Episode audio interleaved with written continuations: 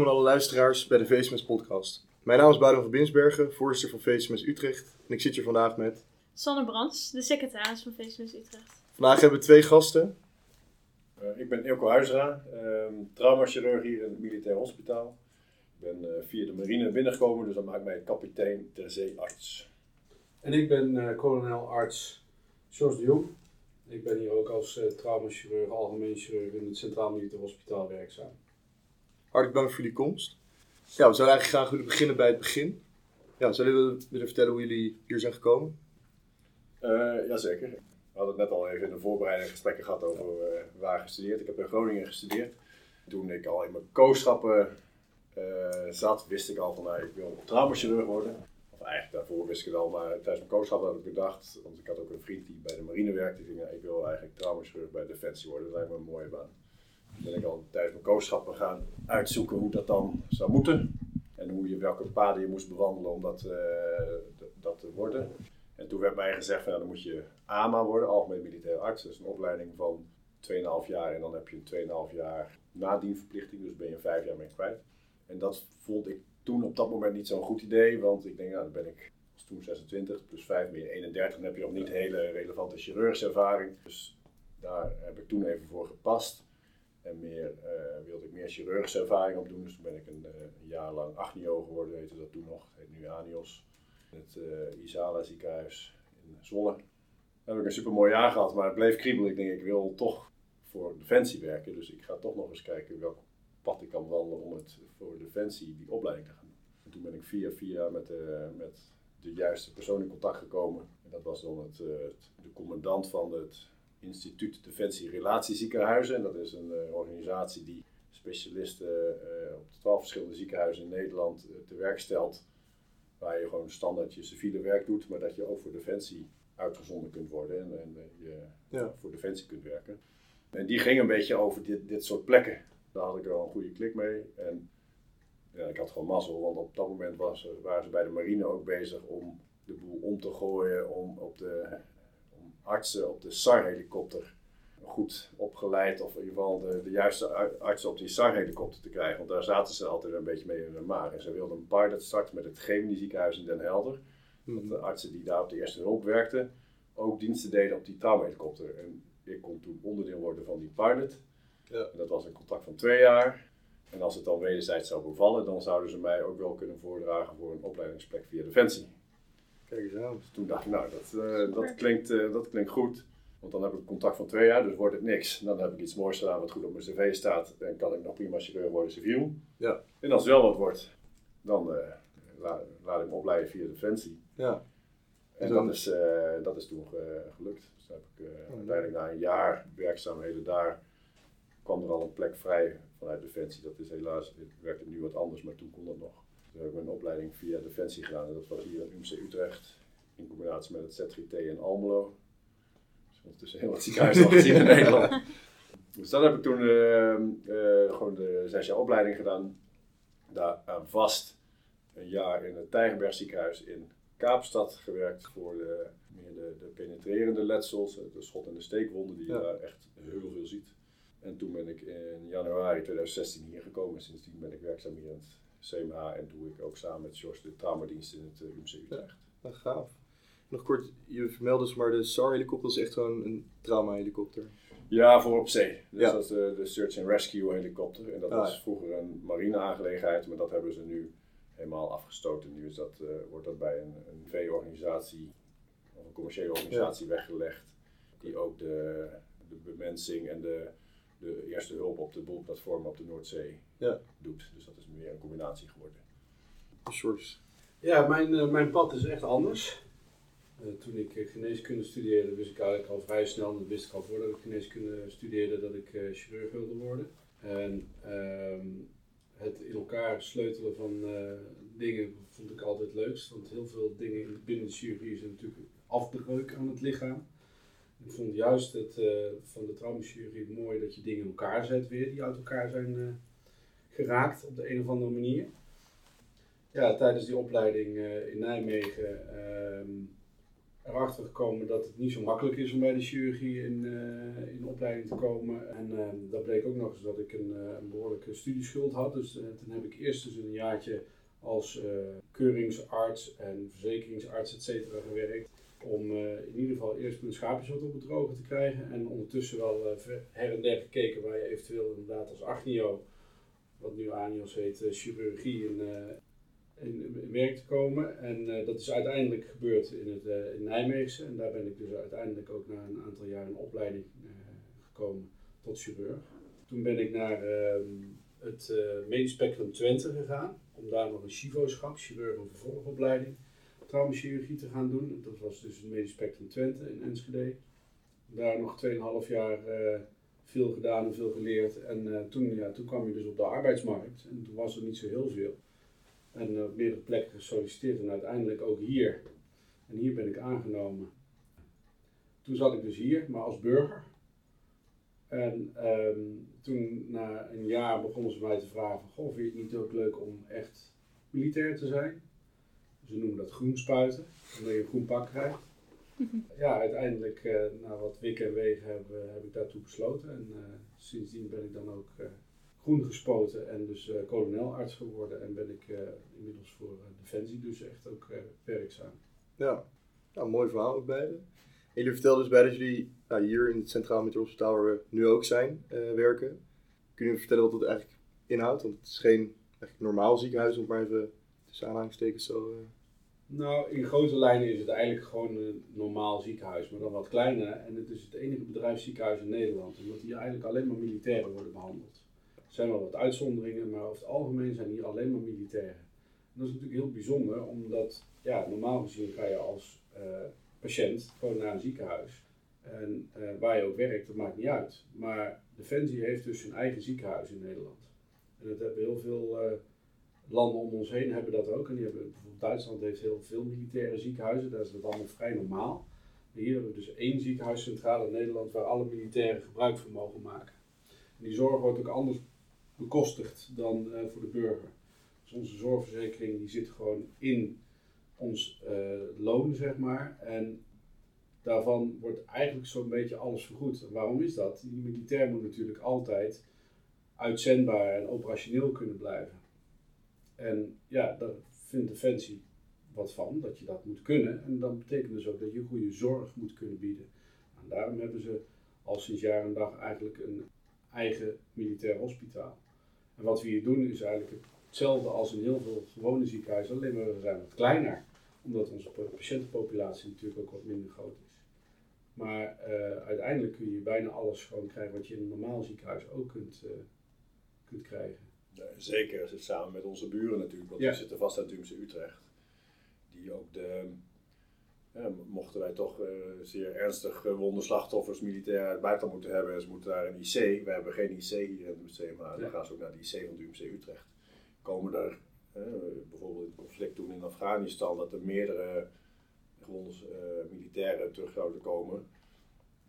Die dan ook nog eens mogen potentieel besmet zijn met allemaal multiresistente bacteriën. Dan wil je dat ook niet zomaar op je eerste hulp hebben. Daarvoor is het calamiteitenhospitaal wat onder het UMC Utrecht zit, wat weer een samenwerkingsverband is tussen Defensie en het UMC Utrecht, kan dat opengesteld worden. Dus we zijn uiteindelijk veel groter dan alleen maar dit kleine gebouwtje. En, en, en samen met UMC Utrecht hebben we gewoon een, ja, kunnen we in principe alles aan. Het is gewoon één groot functionerend uh, geheel. Ja. Als groep ja. Als geheel kunnen we alle zorg leveren die gevraagd wordt om te leveren. Ik denk dat onze luisteraars daar ook benieuwd naar zijn. Uh, hoe ziet jullie dag eruit als militair traumachirurg? Uh, nou, daar kan ik wel antwoord op uh, geven. Um, waarschijnlijk vind je het, uh, de mensen die, die hebben een soort van beeld bij militair traumachirurg, dus die zien alleen maar afgerukte benen en heel veel bloed voor zich. Maar wij zijn over het algemeen hier in het militair hospitaal gewoon algemeen chirurg en minder traumachirurg, staat minder op de, op de voorgrond dus wij doen gewoon veel algemene chirurgie. Dus dat zijn abscessen, dat zijn liesbreuken, dat zijn galblaasontstekingen, uh, blinde darmontsteking, pijntje hier, pijntje daar. Maar ook de fractuurbehandeling, uh, want dat zit in Nederland, doet over het algemeen de traumachirurg de fractuurbehandeling en ook hier. En dat is waar onze polies ongeveer, denk ik, een beetje 50-50 mee zitten. Hè. Dus de, helemaal rond deze tijd, zo'n militairen zijn natuurlijk sportieve luiders die, eh, snowboarden en skiën ook vrij veel. Dus nu krijgen we om de havenklap de klaviaatfracturen, schouderluxaties, uh, enkelfracturen. Vorige week nog een, een crurisfractuur. Dus dat soort dingen krijgen we ook echt wel binnen. En daar kunnen we ook goede behandelingen voor, voor geven. Maar over het algemeen is het de algemene, niet direct heel spoedeisende chirurgie. Want als een militair een groot trauma krijgt ergens in het land, dan gaat hij naar het dichtstbijzijnde ziekenhuis. Zoals elke patiënt uh, die een ongeluk krijgt naar het dichtstbijzijnde. Als een groot trauma is, level in het traumacentrum wordt gebracht. Maar als dat in de buurt van Groningen is, dan gaat hij naar Groningen. Mm -hmm. Dus wij zien niet hier die hele acute dingen hier in het CMH. En dat is ook een reden waarom wij diensten doen, ook in het UMC Utrecht. Traumadienst om wel vooral in contact te blijven komen met die, wij noemen dat dan grote klappers. Want die komen daar natuurlijk wel binnen. Ja, en, en hoe verschilt dat dan? Want zijn jullie al beide op uitzending geweest of nog niet allemaal? Ja. Ja? Ja. En hoe verschilt dan bijvoorbeeld een dag hier in vergelijking met een dag op uitzending? Op uitzending uh, is de dag nog weer anders, want dan ben je ook gewoon arts. Want daar zijn natuurlijk altijd minder mensen. Ik ben in Afghanistan geweest. Ja, er zijn een hele hoop mensen op zo'n kamp, maar er zijn niet zo heel veel artsen. En dus daar ben je ook voornamelijk ook gewoon arts. Dus ik heb daar ook uh, gewoon eerste hulpdiensten gedraaid, zeg maar. En dan komen allerlei dingen binnen, wat je hier eigenlijk niet voor uit je bed gebeld wordt, zeg maar. Verder ziet je dag daar wat saaier uit, over het algemeen. Want als er niks gebeurt, dan gebeurt er ook niks en is er ook niks te doen. Dus je moet ook zorgen dat je je daar uh, vermaakt. Als je daar een aantal maanden zit, dat je niet uh, enorme bore-out krijgt. Maar ja, dat kan in één keer wel zo zijn dat er in één keer een hele hoop slachtoffers uh, binnenkomen. En dat je een masscal, zoals het dan heet, binnenkrijgt met allerlei uh, verschillende slachtoffers van verschillende orden. Waar je in één keer heel hard moet gaan rennen, zeg maar. En dat is het grote verschil met hier. Hier heb je eigenlijk elke dag wel een poli of een, een operatieprogramma wat gepland is. En daar is eigenlijk geen geplande zorg. Dus je kan opeens heel acuut zo ja. veranderen. Ja, en tussendoor dus, wat George ook zegt, vrij saai.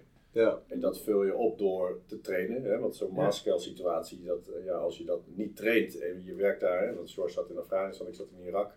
George werkte veel met, met de Duitsers, hè? dat was een Ja. Duits kamp.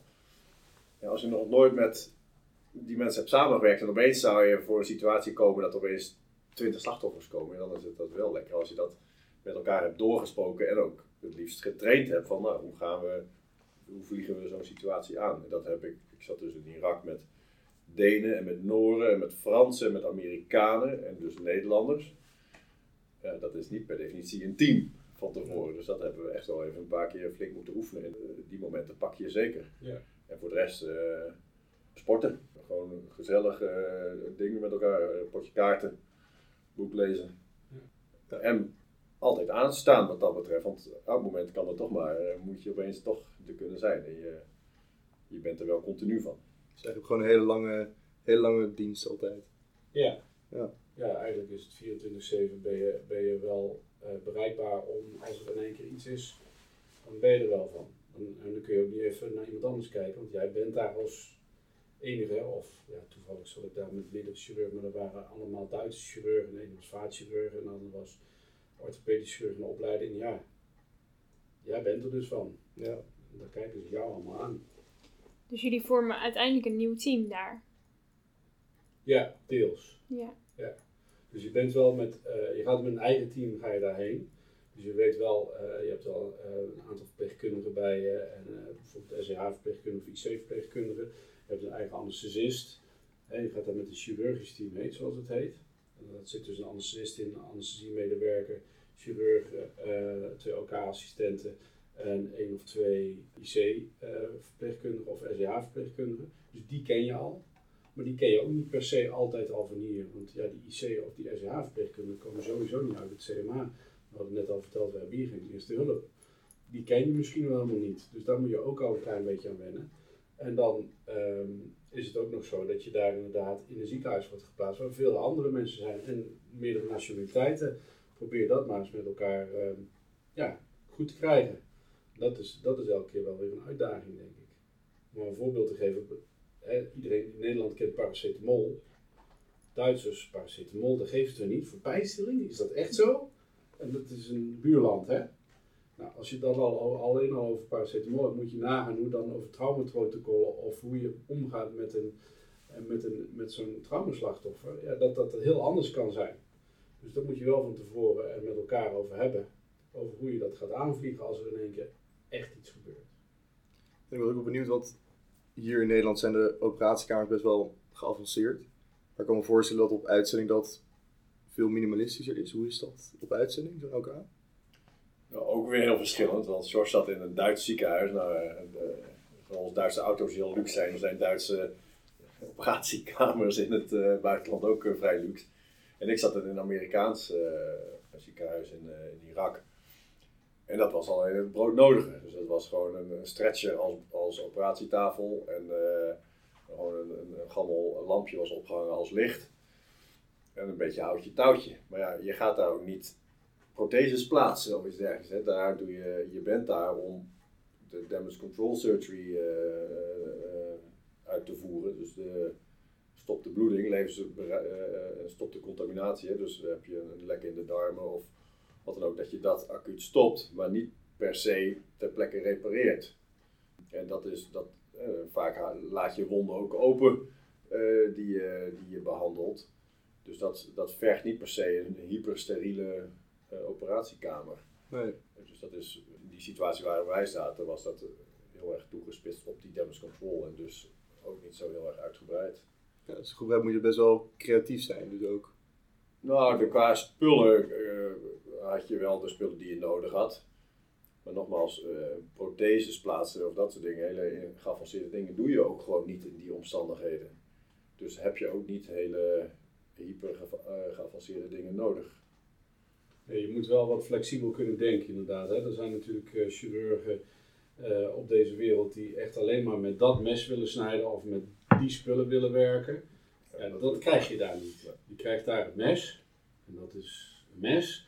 Je krijgt daar een pincet, uh, en, maar je hebt daar niet de spullen die je gewend bent van hier. Zeg maar. Zelfs, hè? Ja. Dat, dus je moet wel een beetje flexibel zijn in waar je, en ik zeg altijd, je moet in principe met een lepel en een vork bij wijze van spreken kunnen opereren. En met die mindset moet je daar ook heen gaan. Je moet daar niet heen gaan van oké, eh, maar als ik dit niet heb, dan kan ik mijn kunstje niet uitvoeren. Want dan lukt het me niet. Nee, je krijgt de spullen die je daar krijgt.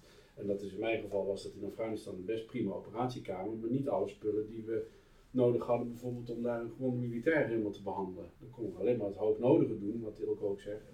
En dan moet je dat ook weer los kunnen laten en naar een volgend station brengen. Dat is eigenlijk je taak daar. Je hoofdtaak is daar die patiënt te redden of uh, zodanig in zodanige situatie te brengen dat er in een ander ziekenhuis daar weer verder mee gedaan kan worden. Maar je kunt daar niet je hele patiënt meestal behandelen.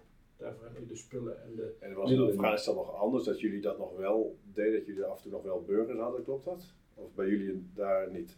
Ja, want dat was bij ons in, uh, bij ons was dat niet zo in Irak. Het was echt een, een, een, grote Amerikaanse luchtmachtbasis. Waar in principe echt alleen maar militairen kwamen. Maar uh, Nederland is ook in situaties geweest waar er ook wel burgers werden behandeld. En die worden niet gerepatrieerd. En daar is niet. Zij kunnen alleen maar terugvallen op hun lokale ziekenhuis. Nou, daar hebben ze de spullen al zeker niet. Dus, dus daar werd dan nog wel eens meer en, en doorbehandeld.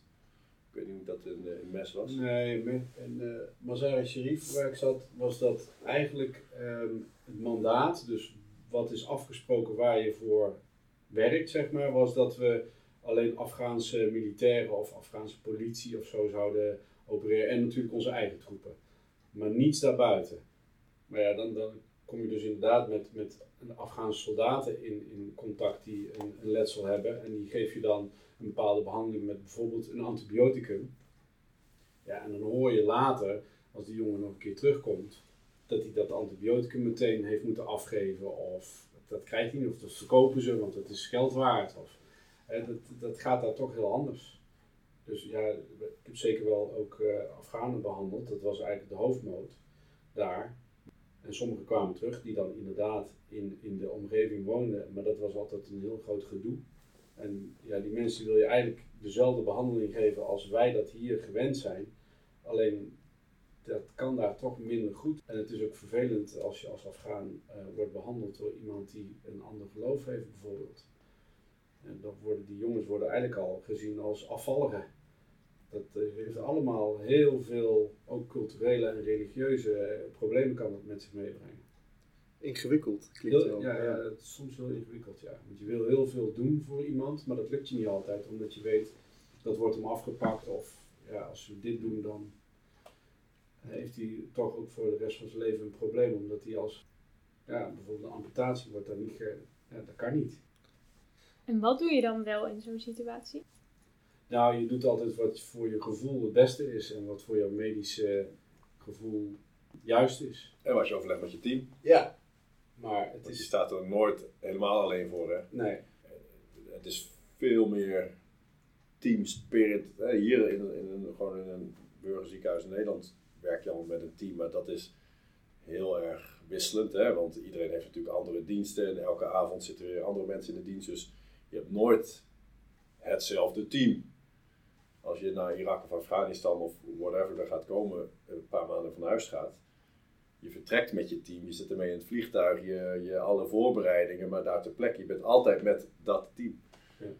En, en, en ja, dat, dat, als je daar, dat is heel belangrijk om daar goed aandacht aan te geven. Maar als je dus een leuk team hebt, dan heb je ook gewoon een goede tijd. En ga je juist voor dit soort dilemma's, kun je dan ook goed met je team bespreken. Dan is Ja. iedereen even waardevol. En dan maakt het echt geen zak uit of je nou chirurg bent of operatieassistent of, of, of wat, eh, wat je taak ook is. Want iedereen heeft gewoon een on- onmisbare functie. Ja, ik vroeg me ook nog af, want op het begin eh, vertelde je dat je in Kaapstad gewerkt hebt. In het ziekenhuis daar. Ja.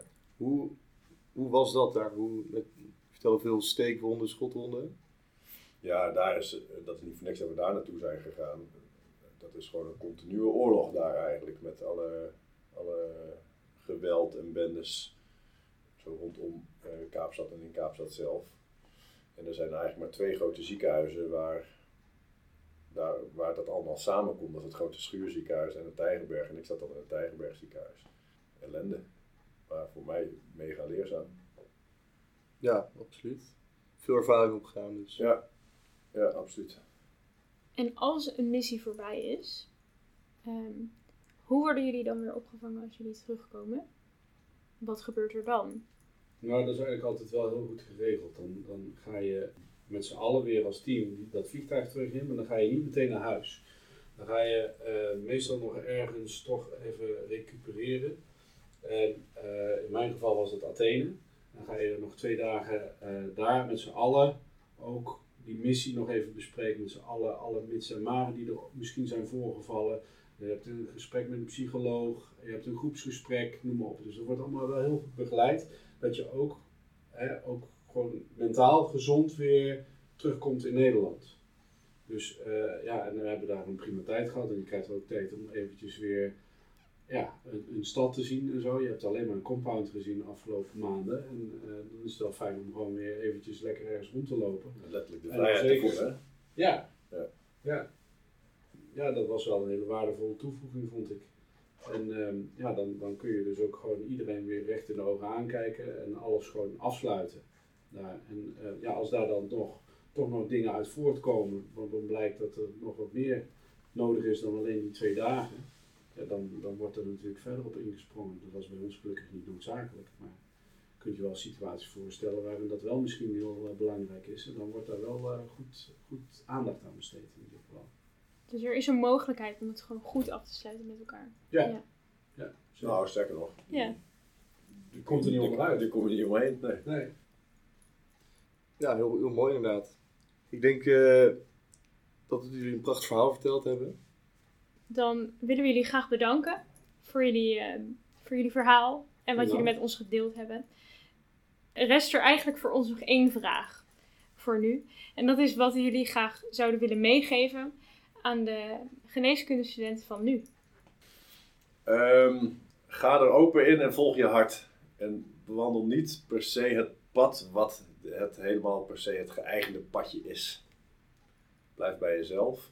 En als je echt iets wil, dan komt het over het algemeen wel goed. Heel mooi. Ja, ik kan me er natuurlijk niet anders dan bij aansluiten. Want ik moet nog langer met hem werken. Maar ehm, wat ik zou doen, eh, en dat, is, dat geldt nu misschien niet zo voor de geneeskundestudent, maar straks als je je kooschappen ingaat, gebruik die tijd dat je in de praktijk bent. Hè, gebruik die tijd echt om te onderzoeken waar jouw krachten en talenten liggen. En kijk overal mee in elke keuken. En, want die tijd is echt goud waard. En voor mij, ja, ik vond, ik vond alles leuk, want ik was eindelijk in het ziekenhuis. Maar gebruik die tijd om overal echt mee te kijken. Stel je vragen, wees niet te verlegen en probeer gewoon alles zoveel mogelijk mee te pikken. En dan kun je ook echt daadwerkelijk je eigen talenten en keuzes veel beter en beslissingen nemen over wat je uiteindelijk wil gaan doen. En probeer die tijd dan ook te gebruiken om eventueel vast die ingang te vinden, als dat je vak lijkt, om daar meteen wat verder op door te borduren. Dus dat, is- dat zou mijn tips nog zijn. Mooi allemaal. Ja, lijkt me een hele waardevolle toevoeging. En eh, dan wil ik jullie allebei nogmaals hartelijk bedanken. En luisteraars ook bedankt. En we hopen jullie nog een keer terug te zien.